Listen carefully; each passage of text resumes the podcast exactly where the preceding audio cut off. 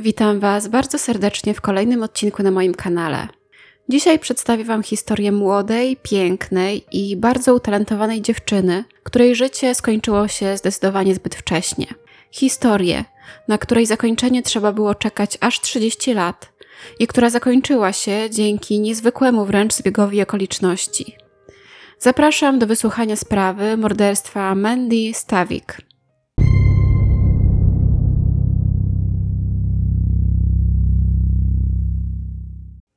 Acme jest maleńkim miasteczkiem leżącym w stanie Waszyngton, tuż przy autostradzie numer 9. Jest to zdecydowanie miejscowość w stylu tych miejscowości, gdzie wszyscy się znają, nigdy nie zamykają drzwi od domów i zostawiają kluczyki od samochodów w stacyjkach. To właśnie do takiego miasteczka po rozwodzie przeprowadziła się Mary Stawik z trójką swoich dzieci, synem Lee i córkami Mandy i Molly. Niewiele wcześniej w to miejsce przeprowadził się dobry przyjaciel Mary, więc pewnie to sprawiło, że kobieta wybrała właśnie Akmę. Zamieszkali w domu przy ślepej uliczce, około mili od autostrady. Losy rodziny nie należały do najszczęśliwszych. Nie tylko ze względu na rozwód Mary z mężem, co w większości przypadków jest dość trudnym doświadczeniem dla całej rodziny.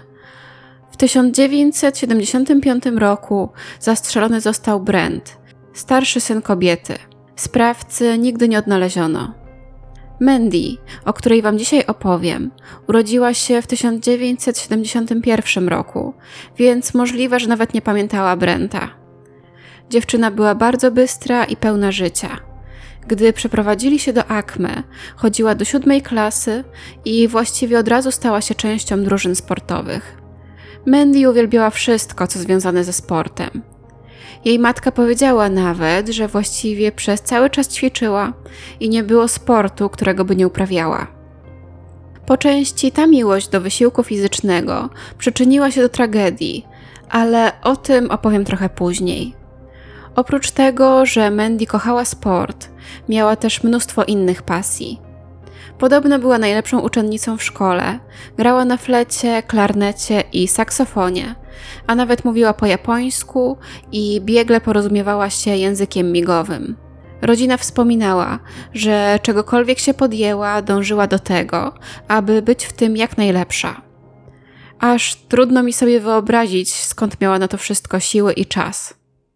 W 1989 roku, w wieku 18 lat, wyjechała na uniwersytet. W przyszłości planowała zostać pilotem komercyjnym. Jesienią wróciła do domu na święto dziękczynienia, a już dzień po tym święcie, około 14.30, wyszła, aby pobiegać. Zwykle biegała w towarzystwie swojej mamy, która jechała obok niej na rowerze, ale tego konkretnego dnia wyszła, a raczej wybiegła na swoją stałą trasę jedynie w towarzystwie owczarka niemieckiego należącego do rodziny. Były święta, więc do domu wróciła też siostra Mandy, a więc ich matka postanowiła zostać w domu i spędzić z nią ten czas. Gdyby wiedziała, co stanie się później, z pewnością towarzyszyłaby Mandy. Nie mogła jednak tego wiedzieć. Tego dnia Lee, brat Mandy, odwiedzał swojego przyjaciela, który mieszkał mniej więcej w połowie drogi pomiędzy domem Stawików a autostradą numer 9, przy której częściowo biegła trasa osiemnastolatki. Chłopak pamiętał, że siostra przebiegała obok niego, gdy wracał do domu. Gdy Mandy nie wróciła do domu po dwóch godzinach, Mary zaczęła się o nią martwić. Kolejnych kilka godzin później wrócił jedynie pies, a po osiemnastolatce nie było śladu. Mary wpadła w panikę. Zaczęła wydzwaniać do wszystkich, którzy tylko przyszli jej do głowy. Pierwszy na liście był Rick Zender, chłopak Mandy, z którym spotykała się od trzech lat. Oczywiście zadzwoniła też do szeryfa. Jak już mówiłam, Acme to mała mieścina, w której każdy każdego zna. Gdy więc zniknęła młoda dziewczyna, mieszkańcy natychmiast zaangażowali się w poszukiwania. Tego dnia Mandy ubrana była w turkusowe spodnie dresowe, jasną bluzę i niebieskie buty do biegania z fioletowym paskiem. Podczas biegania słuchała muzyki ze swojego Walkmana. Oprócz tego, że zwykli mieszkańcy wyszli na ulicę i zaczęli szukać dziewczyny, w śledztwo zaangażowali się oczywiście również policjanci. Na ich liście podejrzanych, również jako pierwszy, szybko znalazł się Rick Zender.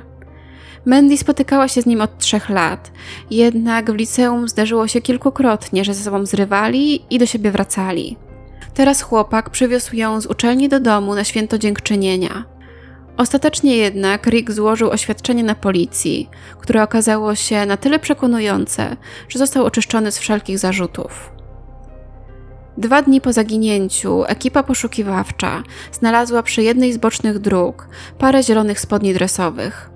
Spodnie zostały pokazane Mary, jednak kobieta nie była w stanie jednoznacznie stwierdzić, czy spodnie należały do jej córki. Powiedziała, że były bardzo brudne i miały dziury, a Mandy nigdy nie założyłaby czegoś w takim stanie. Co oczywiście nie zmienia faktu, że spodnie mogły być w takim stanie przez coś strasznego, co spotkało Mandy. Spodnie zostały wysłane do analizy, ale nigdy nie zostały jednoznacznie powiązane z Mandy. Ciało dziewczyny znaleziono trzy dni po jej zaginięciu, 27 listopada 1989 roku, dzięki pracy strażaków płynących łodzią, aby sprawdzić obszary, które trudno było dostrzec z brzegu. Zwłoki utknęły na płytkim obszarze i nie mogły dalej płynąć. Znaleziono je około 6 mil od domu dziewczyny. Mandy miała na sobie jedynie buty do biegania i skarpetki. Sierżant w biurze szeryfa, który był odpowiedzialny za przeniesienie zwłok, wrócił właśnie ze szkolenia organizowanego przez FBI, na którym dowiedział się, że dowody DNA mogą zostać użyte w dochodzeniu. Bardzo zależało mu więc na tym, aby wyciągnąć ciało z rzeki, nie niszcząc takich dowodów. I udało mu się. Przesłał dowody DNA pobrane z ciała Mandy do FBI i udało uzyskać się profil zarówno jej, jak i nieznanego mężczyzny. Profil DNA ustalono konkretnie z nasienia napastnika. W bazie danych FBI nie było jednak nikogo, do kogo można by dopasować odnalezioną próbkę. Trzeba też pamiętać, że to był rok 1989. Badania DNA dopiero raczkowały. Dzień po odnalezieniu ciała dokonano sekcji zwłok dziewczyny. Mandy miała ranę z tyłu głowy, zadrapania na rękach i nogach, a przyczyną jej śmierci było uduszenie przez utonięcie. Wykorzystano ją również seksualnie. Policjanci doszli do wniosku, że ktoś, kto zaatakował Mandy, musiał poruszać się samochodem. Niewiele osób mogłoby ją dogonić pieszo, była bardzo szybką biegaczką. Prawdopodobnie też kopnął psa, z którym dziewczyna biegała. Po spotkaniu z napastnikiem musiała zacząć uciekać przez krzaki jeżyn, stąd zadrapania na rękach i nogach. Desperacko próbowała ocalić swoje życie. Jednak niestety napastnik dogonił ją i uderzył czymś w głowę, po czym straciła przytomność i została wykorzystana seksualnie. Oczywiście mogła również najpierw zostać wykorzystana, później uciekać przez krzaki, a na koniec uderzono w głowę.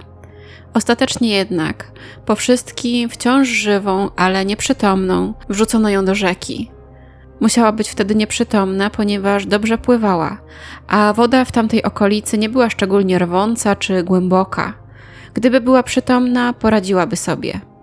Na mieszkańców Akme padł blady strach. Dotychczas traktowali się prawie jak członków rodziny, a teraz okazało się, że jeden z nich najprawdopodobniej jest gwałcicielem i mordercą. Policjanci pobrali próbki śliny 30 mężczyzn mieszkających w okolicy, którzy mogli być potencjalnymi podejrzanymi. Niestety żadna z nich nie pasowała do profilu DNA znalezionego na ciele Mandy.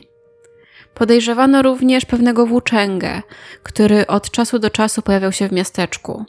W gazecie opublikowano nawet jego portret pamięciowy. Gdy jednak w końcu go znaleziono i przetestowano, on również okazał się niewinny.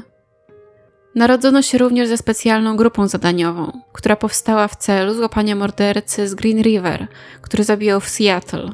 Policjanci szukający zabójcy Mandy zostali jednak poinformowani, że profil ich mordercy nie pasuje do profilu Green River Killera. I to praktycznie tyle. Śledczy nie mieli żadnego innego punktu zaczepienia. Z tygodnia na tydzień mieli coraz mniej do zrobienia, aż w końcu nie mogli już zrobić nic więcej. Nigdy jednak nie zamknęli tej sprawy. Powrócono do niej w 2009 roku, 20 lat po zamordowaniu Mandy. Przydzielony został do niej nowy detektyw, Kevin Bowhey, który był już trzecim detektywem, który próbował rozwiązać zagadkę zabójstwa dziewczyny.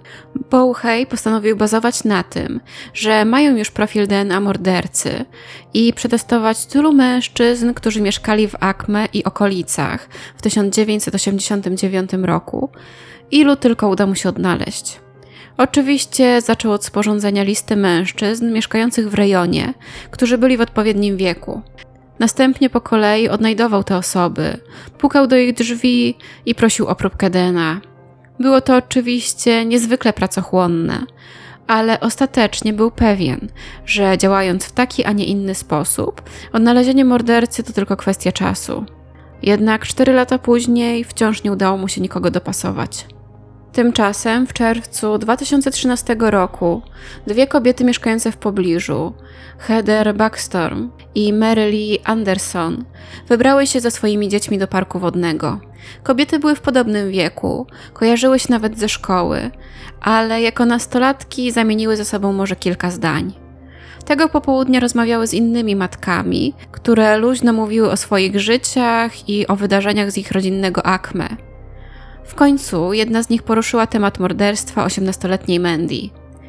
Mimo upływu prawie ćwierć wieku, wszyscy wciąż pamiętali o tej sprawie. Nagle Heather wyrzuciła z siebie: Wiem, kto ją zabił.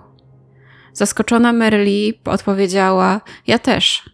Okazało się, że ta niepozorna rozmowa i tak naprawdę zwykły zbieg okoliczności przyczynił się do rozwiązania sprawy morderstwa Mandy. Przejdźmy jednak do tego, na podstawie czego kobiety doszły do wniosku, że znają nazwisko mordercy. Mary Lee opowiedziała, jak pewnego wieczoru, kilka lat po śmierci Mandy, była sama w domu ze swoim synem. Nagle do drzwi zapukał przyjaciel jej męża, Timothy Bass. Powiedział, że wraca właśnie z polowania i chciałby skorzystać z telefonu. Kobieta oczywiście nie miała żadnego powodu, żeby mu nie pomóc, więc po prostu wpuściła go do środka. Jednak gdy Tim wybrał numer, usłyszała charakterystyczne piknięcia, które słychać było, gdy wybierało się nieaktywny numer. Wtedy Lee zaczęła podejrzewać, że Tim wcale nie chciał zadzwonić i użył tego jako wymówki, aby wpuściła go do domu. I miała rację. Po tym, jak odłożył słuchawkę, przyszedł do jej sypialni i zaczął opowiadać jej, że zawsze był w niej zakochany, akurat przejeżdżał obok jej domu i po prostu musiał wejść, żeby jej to powiedzieć i że chciałby się z nią kochać. Był bardzo natarczywy. Maryli oczywiście mu odmówiła, ale on nie odpuszczał. Była przerażona. Jej męża nie było w domu, była sama z małym synem. Mogło po prostu wydarzyć się wszystko. W końcu zagroziła mu, że zadzwoni na policję i dzięki temu udało jej się go pozbyć z domu. Niewątpliwie było to jednak bardzo przerażające doświadczenie, którego nie umiała zatrzeć z pamięci. Po usłyszeniu tej historii, Heather powiedziała, że ona również miała takie doświadczenie właśnie z Timothy Bassem. Ją nagabywał jednak kilka miesięcy przed śmiercią Mandy. Miała wtedy zaledwie 15 lat, a Tim 21. Po meczu softballu postanowili z przyjaciółmi wsiąść do samochodu i pojechać do lodziarni. Pech chciał, że usiadła obok Tima, który zaczął mówić jej, że ma piękne oczy, po czym wyjął długopis z uchwytu na kubek i zaczął pocierać nim o jej kolana. Było to dla niej bardzo niekomfortowe. Oczywiście była w o wiele lepszej sytuacji niż Merely wiele lat później, ponieważ w aucie byli z nią inni ludzie – ale i tak sposób, w jaki z nią flirtował, był dla niej bardzo nieprzyjemny i nie mogła zapomnieć tej sytuacji. Żadna z kobiet nie zgłosiła jednak tych incydentów na policji. Ostatecznie nic złego się nie stało, więc bały się oskarżyć kogoś z ich społeczności o zamordowanie Mandy. Obie były jednak przez te wszystkie lata przekonane, że to właśnie Timothy Bass był odpowiedzialny za śmierć dziewczyny ale teraz postanowiły w końcu działać i skontaktowały się z kolegą z liceum, który pracował w biurze szeryfa. Okazało się, że Timothy'ego Bassa nigdy nie sprawdzono pod kątem morderstwa Mandy. Nigdy nie oddawał swojego DNA do badań. Mieszkał na tej samej ulicy co Mandy, dzieliło ich zaledwie kilka domów. Przy ulicy, na której mieszkali, domy nie były jednak wybudowane tuż obok siebie, ale dzieliły ich nieco większe odległości. Jednak wciąż Mieli do siebie zaledwie 5 minut drogi. Mandy przebiegała obok jego domu prawie codziennie. Dodatkowo Tim ożenił się i wyprowadził z Acme zaledwie kilka miesięcy po śmierci Mandy. Teraz miał żonę, trójkę dzieci i pracował jako kierowca w piekarni. Policjanci zapukali więc do jego drzwi z prośbą o przekazanie im próbki swojego DNA. Mężczyzna odmówił. Powiedział, że ogląda programy detektywistyczne i ludzie, którzy przekazują takie próbki, są później aresztowani, więc on swojej nie odda. I o ile można zrozumieć jeszcze jego niechęć do oddania próbki do analizy, to ciężko zrozumieć jego reakcji na wspomnienie policjantów o Mandy. Gdy usłyszał jej nazwisko, spojrzał w górę i zaczął powtarzać Mandy, Mandy, jakby nie mógł jej sobie przypomnieć. Było to bardzo dziwne zachowanie. Każdy mieszkaniec Akme doskonale znał i pamiętał o sprawie morderstwa tej dziewczyny. Dodatkowo Tim chodził z nią do liceum, był jej sąsiadem i codziennie przebiegała obok jego domu. Jego młodszy brat, Tom, przyjaźnił się nawet z nią. Niemożliwe, żeby tak ciężko przyszło mu skojarzenie jej imienia. Tak więc Timothy Bass stał się głównym podejrzanym w sprawie. Pozostało upewnić się i zdobyć próbkę jego DNA. W tym celu policjanci postanowili przejść się do jego pracy i poprosili tam Kim Wagner o pomoc. Kim również pracowała jako kierowca w piekarni, a w czasie morderstwa Mandy miała 19 lat i mieszkała w pobliżu Acme. Detektywi poprosili ją więc o przekazanie planu trasy Basa i o dostęp do jego ciężarówki, żeby mogli zdobyć próbkę jego DNA. Kobieta zawahała się jednak i ostatecznie uznała, że nie jest odpowiednią osobą i że powinni skontaktować się z działem kadr piekarni. Niestety, tam powiedziano im, że bez nakazu przeszukania albo nakazu sądowego nie udostępnią im żadnych informacji. Tymczasem detektywi wciąż nie mieli dostatecznie silnych dowodów na to, że to Tim jest mordercą, aby taki nakaz uzyskać. Sprawa utknęła więc w martwym punkcie. Kilka lat później, podczas rozmowy w barze, w którym była Kim Wagner wraz z mężem i przyjaciółmi, wypłynęło nazwisko Timothy'ego Bassa. Wspomniano też o tym, że mieszkał na tej samej ulicy, na której mieszkała Mandy, zanim została zamordowana. Wtedy Kim przypomniała sobie wizytę policjantów w jej pracy. Połączyła kropki i doszło do wniosku, że Tim jest podejrzany właśnie w sprawie Mandy. Gdy policjanci po raz kolejny przyszli do jej pracy, zapytała ich wprost, czy prowadzą śledztwo w sprawie zabójstwa Mandy Stawik.